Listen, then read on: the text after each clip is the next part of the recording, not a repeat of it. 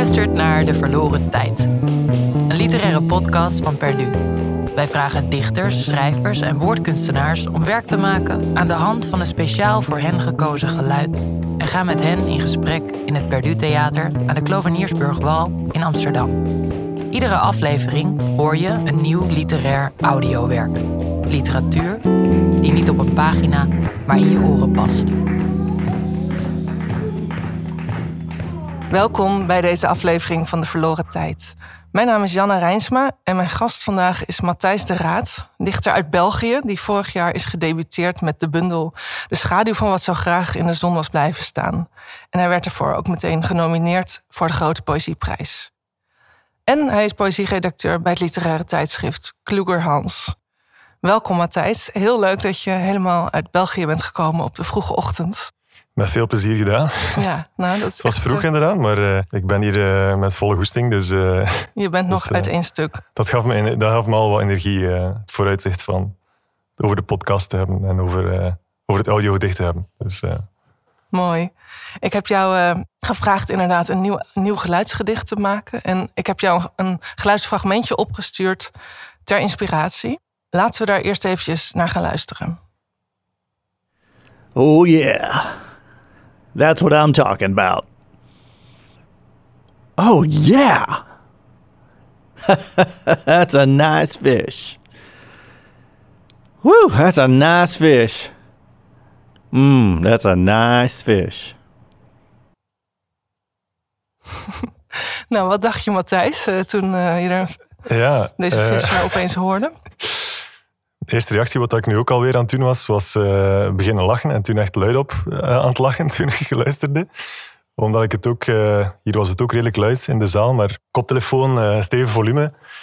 En het was niet wat ik had verwacht of zo. Ik was verrast op een goede manier. Dus ik vond het een, een, een redelijk absurd fragment. En ik was vooral ook heel, ergens heel benieuwd, omdat je zei van, in een eerdere mail van ik weet al wat ik, wat ik ongeveer wil zoeken voor jou.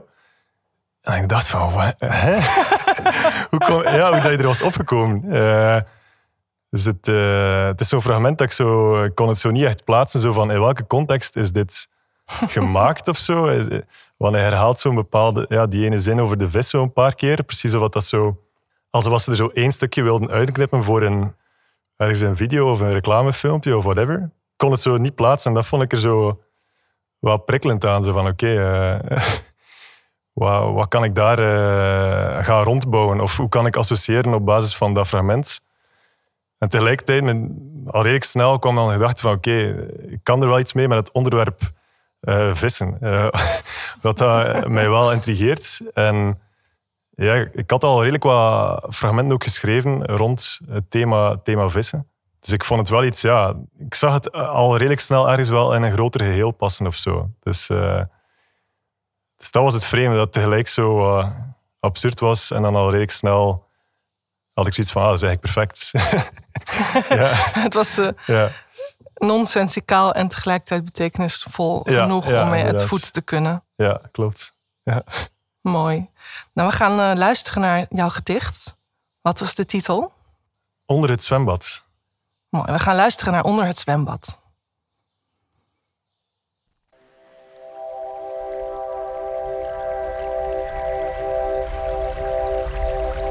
Ik heb geen vis gevangen, maar de ziel van een vis. Een gouden ovaal in volle duik. Geen ogen, geen schubben, geen zee, geen schittering van de zon. Alleen een gouden ovaal, draaiend op een spiegel.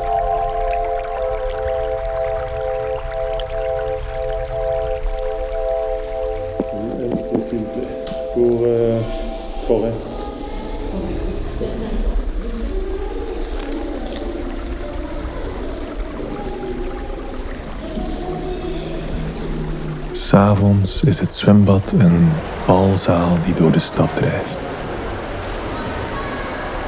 Om maar te zeggen, s'avonds heeft het zwembad minder met de buitenwereld te maken. Wanneer ik door de ruiten kijk, zie ik enkel diep blauwe silhouetten en hier en daar een verlicht raam van een flatgebouw. Ik sta onder fonkelende lusters, waar druppels op parelen als nectar. Beneden een blauw vlak, boven een oranje weelde. Complementair als een schilderij. Er zit iets moois in je begeven tussen lichamen die je niet kent, die je niet kunt thuisbrengen. Naamloze mensen met hun eigen verborgen levens. Het enige wat ons verbindt is het water en het verlangen om te zwemmen. We hebben het bad nodig. Als een droom waar we in en uit glijden. Prachtige, vreemde onderwaterwereld.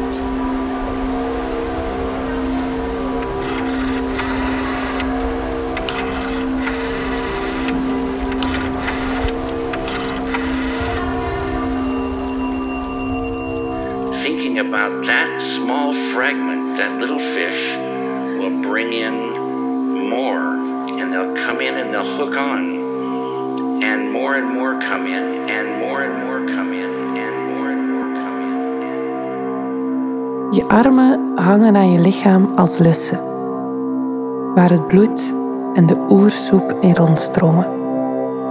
Je kijkt op en ziet een sterrenvormige vogel, kwetterend onder de zon.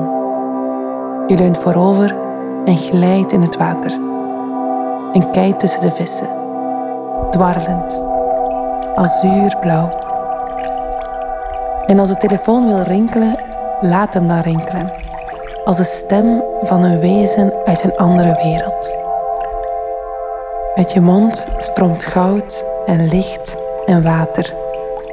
Je spuwt ze uit en je slikt ze weer in.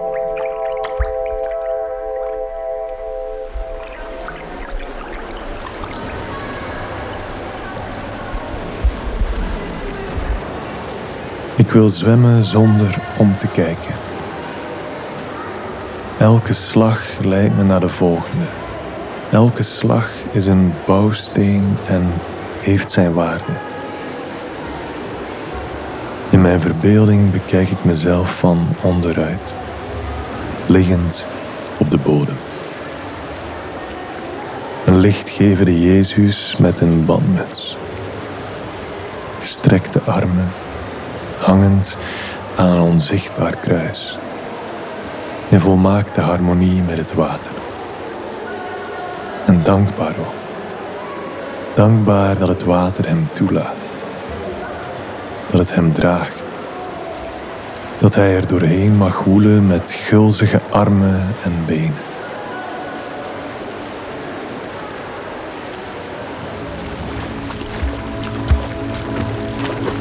Geef mij maar gewoon de schoolslag. Basis, helder, rustgevend. Dezelfde beweging herhalen en herhalen tot je er niet meer bij nadenkt. Tot ze de perfectie benadert. Noem me gerust meneer Schoolslag. En meneer Schoolslag speelt punk. Hij heeft maar twee akkoorden nodig om 50 minuten te vullen. Weet je waarom? Omdat hij die twee akkoorden met zo'n beheersing en zo'n gevoel voor timing speelt dat ze door de zaal vliegen als een wolk van brandende kettingzagen. Zoemend van de warme fuzz. Kijk maar.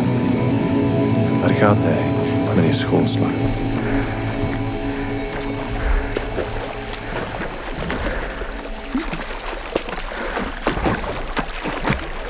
Hij zwemt niet bepaald snel, maar ook niet traag. Hij zwemt gewoon goed. Hij zwemt omdat hij het leuk vindt. Ja, dat ook, dat, dat zie je. Hoewel het nu ook niet van hem afspat hoor, nee, hij straalt het eerder uit als een kleine witte gloed. Subtiel. Maar als je een beetje ervaring hebt met het kijken naar zwemmers, dan merk je het snel.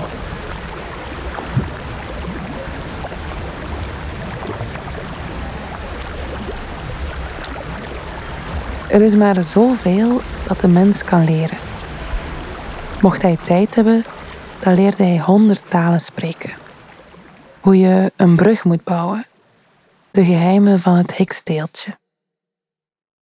Hoe teder is het dus dat deze vrouw traag en tastend door het water zwemt. Met een blik in haar ogen als die van een kind dat alles voor het eerst, of is het alles opnieuw, uit de handen van een ander, die van weer een ander, als water dat wordt doorgegeven. Uiterst voorzichtig, traag en tastend.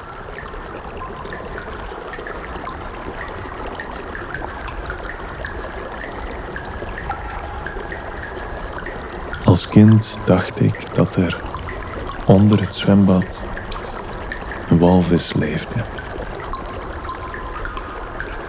Een of andere wetenschapper had die daar verstopt en zou hem pas loslaten wanneer ik aan het zwemmen was.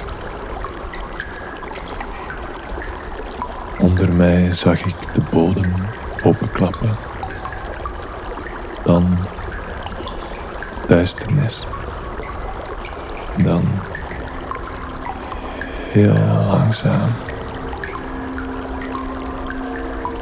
een silhouet.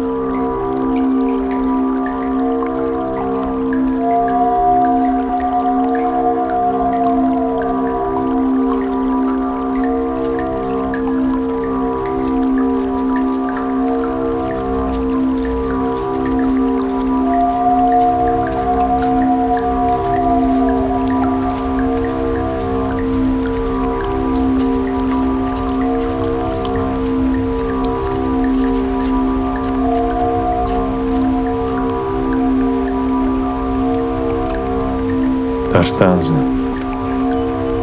De oude man en het kind. Aan de rand van de visvijver. Kijkend naar de dobber en het woelige wateroppervlak. Het lijkt wel een slangenput met een zeil eroverheen. Zo hard krioelt het van het leven aan de andere kant van de spiegel. Wanneer de haak boven komt, ziet de jongen iets bungelen. Een oerinstinct. Het spartelt. Hij durft het dier niet aan te raken. De haak glijdt uit de lip, die leeg bloedt, en glijdt dan in zijn grootvaders duim. Een angel die zich vastzuigt. De handen van de jongen worden koud. Ze hebben nog nooit zo leeg gevoeld.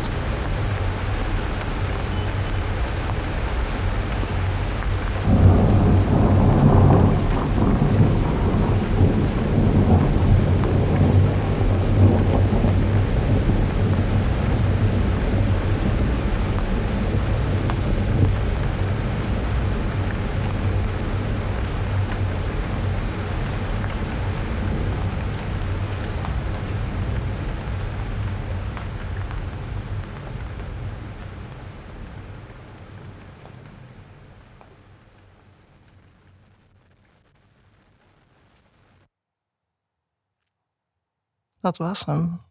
Mooi. Ik vind het elke keer echt een cadeau dat ik dan iets mag opsturen en dat iemand dan een prachtig gedicht maakt. Oh, dank u.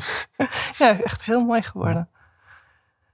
Ik wil het met, over een heleboel dingen hebben, maar laten we het Ja. eerst eens hebben over, over die structuur van die inbedding. Je hebt een opvallende structuur gemaakt met eerst een vrouwenstem Ja. en dan een mannenstem en dan opnieuw. Eh, die wisselen elkaar meermaals af in een sfeer van ruisen en kabbelen en druppelen. Ja. Hoe ben je te werk gegaan? Hoe heb je dit opgebouwd? Ja. Ehm, ja, ik, ik heb eigenlijk een combinatie gemaakt van teksten die ik al had en nieuwe teksten. Ehm, en dan eigenlijk proberen te zoeken naar inderdaad een manier om fragmenten die, ja, die ik nog nergens had gepubliceerd of waarvan ik niet goed wist wat kan ik ermee doen, om die inderdaad in te bedden in iets, eh, iets groter, in een geheel inderdaad. Dus dan merkte ik van, ja, als ik inderdaad een structuur zoek, dan, dan zal ik inderdaad hier en daar wat dingen moeten veranderen en toevoegen. En inderdaad, het was heel belangrijk om, om eigenlijk op het idee te komen van die ehm, zo'n beetje strofe-refreinachtige structuur, vind ik. Een soort van duet is het eigenlijk bijna tussen die twee stemmen. Dat heeft mij eigenlijk heel erg geholpen om er een geheel van te maken of om, het, om de tekst af te krijgen. Dus keer dat ik daarop kwam, ik weet niet hoe dat, gekomen is, maar ja, ik denk doordat ik eigenlijk eh, begon te associëren inderdaad op dat thema of dat onderwerp van vissen, naar water, naar eventueel een zwembad. Eh, dus in het begin dacht ik eerder in een soort van sferen of soort van ehm, ja, thema's die ermee verbonden zijn. En ik heb eh, mij ook geïnspireerd op een tekst waar ik al een eind aan bezig ben. Dat is een soort van, noem het een zwemmersdagboek. Dat is eigenlijk een, een vrij lange tekst ondertussen al. Met een soort van ja, essayistische, poëtische bespiegelingen over de omgeving van het zwembad. En dan ben ik daarin gaan, gaan plukken en op zoek gegaan naar fragmenten die, ja, die op zich zouden kunnen staan of die iets poëtisch hebben ook. Eh, dus ik dacht van oké, dat zou een, wel een interessante lijn kunnen zijn om zo'n soort van stem of personage te hebben dat in dat zwembad eh, zich in dat zwembad begeeft. En daarnaast wou ik een soort andere, ja, een iets meer abstracte lijn hebben die, ehm, die wat meer losstaat in tijd en ruimte of zo. Eh, Ja, zo Dus, voelt het ja. ook. Want het is wel grappig dat jij noemt het een duet. Dat is precies wat ik, het Ah, woord ja. wat in mij opkwam. Want ehm, jij vroeg me ook, wil je, wil je ook de tekst zien? En toen stuurde hij mij het woordbestand. En toen zag ik opeens dat dat uit een heleboel eh, onderdelen bestaat... die je ook hebt genummerd. Misschien voor jezelf, maar misschien sowieso. Maar ook dat de, de teksten die worden uitgesproken door de vrouw... een titeltje hebben. Bijvoorbeeld Geen vis. Mhm. En Als een kei. En ehm, de teksten die door jou worden uitgesproken... eh, als proza eigenlijk zijn geschreven. Ja, ja. Ja, inderdaad. Ik zie die ook eigenlijk als, als proza eigenlijk eerder. Of een soort van poëtisch proza misschien bij momenten. De, de toon varieert ook soms een beetje. En dat hoor je ook wel in de manier dat ik het dan voordraag. Zo dat stuk over eh, meneer Schoolslag is zo het meest extravert of zo. En is zo iets dat, meer... dat springt er een beetje, of dat staat er een beetje Ja, naast, ja. of dat springt er een beetje uit. Van- Ja, ja, inderdaad. Eh, terwijl de andere stukken zijn misschien inderdaad iets meer zo... Ja, een soort van interne monoloog die inderdaad wel iets poëtisch heeft, maar het is inderdaad voor mij toch eerder proza. Dus ik vond dat wel interessant om, om poëzie en proza te laten afwisselen in dat audiogedicht. En, eh, en zoiets inderdaad, ja, op die manier zo iets heel gelaagd te krijgen. Of, eh, ik vind het wel interessant. Dat, je- ik, allee, je dat in heel veel verschillende dingen, denk ik, als je inderdaad twee elementen kunt combineren, dat er altijd wel iets begint te knetteren tussen de twee, dat er ergens zo ruimtes zijn in de overgang tussen de twee eh, lijnen en dat je als luisteraar of als lezer ja, heel veel ruimte krijgt om dat in te vullen en, en zelf te gaan associëren. En, eh, dus dat vind ik altijd interessant om zo een contrast te, te creëren. Ehm, Ja. En die, die vrouwenstem lijkt inderdaad een soort, ja, de dichterlijke stem. Misschien een soort alwetende verteller, als het ware. En de, mannen, de ik, de mannenstem, ja, jouw eigen stem, dat lijkt ook een soort personage. Maar toch Mhm. ook lijken er meerdere personages te Ja, zijn. ja, Zoals die meneer Schoolslag lijkt als het ware meer gezien te worden door de ik. ja. ja, inderdaad. Ja. Die meneer Schoolslag is zo... eh, daar zocht ik inderdaad wel eventjes naar een manier om dat daarin te krijgen. Omdat ik merkte gewoon al op papier van, ja, als ik naar dit stuk ga, hier ga ik in een soort van andere toon of een andere, iets andere sfeer ook. Ehm, dus daar, daar heb ik wel eventjes op gezocht van hoe kan ik ergens een overgang daarin brengen. En dan dacht ik van, was ik nu het meest eh, etherische soundscape fragment dat ik heb gevonden daar achterplaats? Wat zou er dan gebeuren? Dus eh, ik heb zo heel wat geluiden zitten downloaden. En ik dacht van, dat kan misschien wel iets geven om zo... Om het ergens wat... eh, een beetje een contrapunt te geven of zo wat te balanceren met iets heel zweverig qua geluid. En dan, eh, ik vind dat nu uiteindelijk klinkt als een soort van, inderdaad, een extra personage of zo. Een soort van eh, natuurdocumentaire verteller, zie ik er zo wel in. Die zo En ook over- een nuchtere figuur die tegelijkertijd Ja, allegorisch of zoiets wordt, omdat hij meneer Schoolslager zo'n, echt zo'n meneertje, een typetje wordt. Dan. Ja, ja inderdaad. En hij, en hij, hij beschrijft die meneer Schoolslag ook alsof dat zo inderdaad een of ander eh, dier is dat, dat hij tegenkomt of zo. Dus ik vond dat wel een leuk... Allee, de- toen dacht ik, oké, op die manier... Ja, ik moest eventjes uitbreken uit die, uit die wat meer introverte... Ik dacht zo ook wat een film noir-achtige sfeer soms van de heel intieme stukjes die ik voordraag. Eh wou ook naar iets dat wat meer inderdaad ja, extravert was of eh, de boel zo'n beetje openbrak of zo. Ja, dat werkt goed. Het is, het is heel gevarieerd. En het is ook grappig dat in het begin lijkt jouw stem ons als het ware te verleiden om mee te gaan in die Mhm. ja, aanvankelijk prettige onderwaterwereld. Een soort Ja. gewichtsloze, droomachtige wereld die we delen met, met elkaar, met alle andere Mhm. lichamen. Voelt ook misschien als een soort onderbewuste of het domein van de verbeelding. Het, het, Mhm. roept allerlei associaties op, die wereld. Maar die wereld die is zichzelf genoeg en die lijkt ook vrij levendig of levenslustig. Maar dan al snel komt er een soort van misschien wel licht dreigende ondertoon Mhm. in het geluid bij. Mhm. Vanaf dat je zegt, er zit iets moois in je begeven tussen lichamen die je niet kent, komt er ook een soort van onheimisch Mhm. gevoel bij. En moeten we die warme, sussende stem eigenlijk wel vertrouwen? Ja, ja, ja. En je Dat kan je heel zegt, lang hè? wentelen in die chocoladestem. ja. Maar op het eind, als je die te veel vertrouwt, dan kom je van een koude kermis thuis. Ja, ja, ja, ja. oké, dat, is wel, dat is wel goed om te horen, want inderdaad, ik wou er wel een soort van mysterie in laten sluipen, zo al vrij snel. Eh, ja, inderdaad, zo die, daarom denk ik ook die titel Onder het zwembad vind ik wel, vond ik wel een goede titel toen ik hem bedacht. Om, ehm, omdat ik inderdaad zo iets broeierig of zo, in, in, vooral in het geluid wou steken.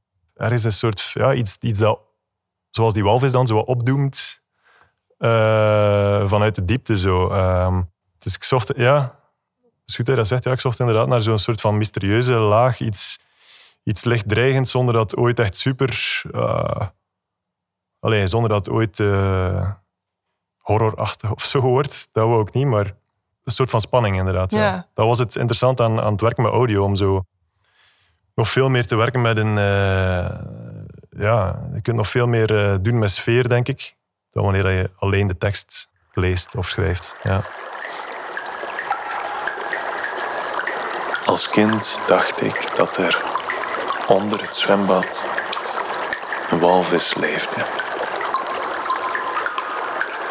Een of andere wetenschapper had die daar verstopt en zou hem pas loslaten wanneer ik aan het zwemmen was.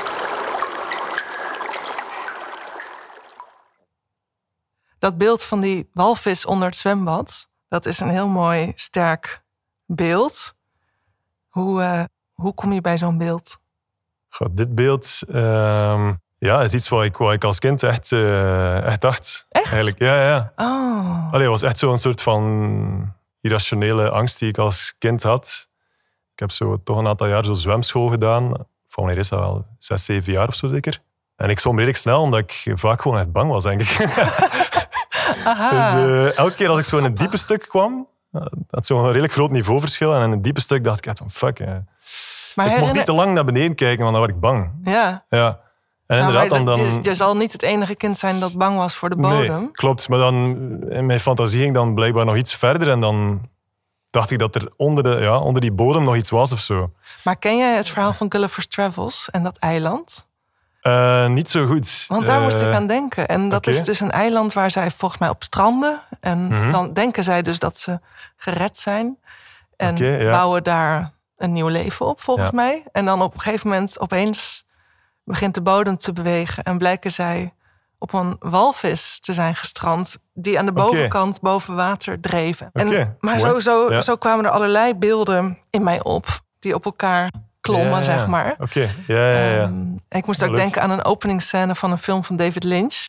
ja. Blue Velvet volgens mij. ja, ja, Ken je die? En in de openingsscène zie je eerst de, de white picket fence, eh, suburb idylle. En dan gaat de camera langzaam naar beneden, naar de grond en dan onder de grond. En dan zie je dat waar boven niks aan de hand lijkt, daaronder is het een, is het een mayhem van, van Mhm. elkaar opetende insecten. Een soort Ja. Temple of Doom horrorwereld. Ja, inderdaad. Ja, ja, ja. Nee, dat vind, eh, inderdaad vind ik echt een goede film. En eh, ook niet toevallig inderdaad dat, dat je zegt David Lynch, omdat die ook eh, in een quote in het audiogedicht zit. Ja, want Dus, daarom ja. moest ik er ook aan denken. Want dat, Ja. omdat ik het script las, ik vertel het er even bij, Mhm. zag ik inderdaad dat op een gegeven moment hoor je de telefoon overgaan. En dan Mhm. hoor je een citaat van David Lynch. Ja, klopt. Eh, uit een interview met David Lynch. eh, en het gaat over hoe hij ja, zijn films eigenlijk schrijft of bedenkt. En hoe hij met ideeën omgaat. En ideeën probeert te vangen als, als vissen. Hij maakt de vergelijking met vissen. En dat je kunt beginnen met heel klein lokaas of een klein kruimeltje. Waar dan een kleine vis aan komt hangen. En dan, als je één keer dat je een vis hebt, komen er meer ideeën bij. Die ook worden aangetrokken door, door die haak of door dat lokaas. Dus ik heb al redelijk wat interviews met hem bekeken. en Ik vind dat ergens heel inspirerend en ergens ook wel herkenbaar bij momenten om zo... Ja, omdat ik denk dat veel mensen die iets creëren inderdaad op die manier wel wat te werk gaan. Zo. En, en zich wat laten meevoeren door een klein basisidee. En, en voor je het weet komt er van alles bij. En eh, dat vind ik wel interessant als het een soort van kale- kaleidoscoop wordt. Zonder dat je misschien altijd heel goed moet weten van ja, op, op een rationeel niveau van waarom plaats ik dit nu bij dit? Soms kan het heel gevoelsmatig zijn of heel automatisch gebeuren dat er, eh, ja, dat er verschillende dingen samenkomen. Eh, dus Ja. daarom vond ik dat inderdaad ook wel goed in, in dit geheel, omdat de audiogedicht ook wel een beetje op die manier is ontstaan, denk ik. En opnieuw inderdaad die link met die visser die van het basisfragment komt, hè, ehm, die Amerikaan. Dus dat vond ik wel fijn dat David Lynch zo dan eigenlijk bijna een dialoog heeft met die Amerikaanse visser die veel later, minuten later in, eh, in het audiogedicht te horen is. Dat ze een soort van telefoongesprek hebben met elkaar. Dat vond ik wel, vond ik wel fijn.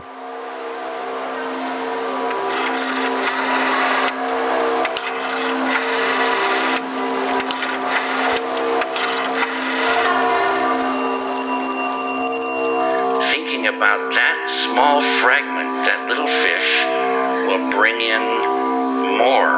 And they'll come in and they'll hook on. And more and more come in, Wel grappig dat je dat verhaal vertelde van eh, Lynch over het vangen van een vis. Want ik interviewde een keer een dichter, Ja, Pierre Alvary, en die maakt gedichten in heel bijzondere vormen. Dus zowel op film met bewegende teksten, Mhm. maar ook in bundels. Bijvoorbeeld een gedicht van, van zeven regels en zeven lettergrepen. Dat is perfect, een perfect blokje wordt. Mhm. Dus die legt zichzelf allerlei bijzondere vormen op, of die experimenteert daarmee. En toen vroeg ik daar iets over. En toen zei hij dat het hem helemaal niet doen was om die vorm, Mhm. maar dat, ehm, dat die vorm fungeerde als een soort vergiet of een net om een bepaald formaat vis te vangen. Dat is mooi gezegd. Ja. Ja. En ik ben, Ja. ben wel benieuwd. Jij bent dichter en ik weet dat je ook muzikant bent. Je bent, maakt Ja. ook muziek. Zowel eh, als zanger aan, en je speelt gitaar en basgitaar. Ehm, nu heb je echt een audiowerk gemaakt Mhm. dat ook ja, muzikaal is. Heb jij nu ook met deze nieuwe vorm een, een ander formaat vis gevangen dan anders? Ja, dat denk ik wel. Ja. Ik denk als je de tekst zo zou lezen zonder, ja, zonder te luisteren naar het audiogedicht, dat het misschien minder goed zou werken eh, als geheel. Dus eh, ik denk dat die vorm heel belangrijk was om, ja, zoals inderdaad misschien het voorbeeld dat je gaf van begin met een soort van vorm of een, een vangnet en daarin kun je dan iets schieten en hopelijk levert het iets op of zo. Maar dat inderdaad de vorm hier belangrijk was om, om de tekst te doen slagen of zo. Eh, ik kwam inderdaad op ideeën die ik niet zou hebben bij, bij het schrijven van, van een tekst die bedoeld is om te lezen enkel. Ik kon inderdaad ook ja, mij bewust worden van, ik kan ook bepaalde dingen vertellen die niet in de tekst staan.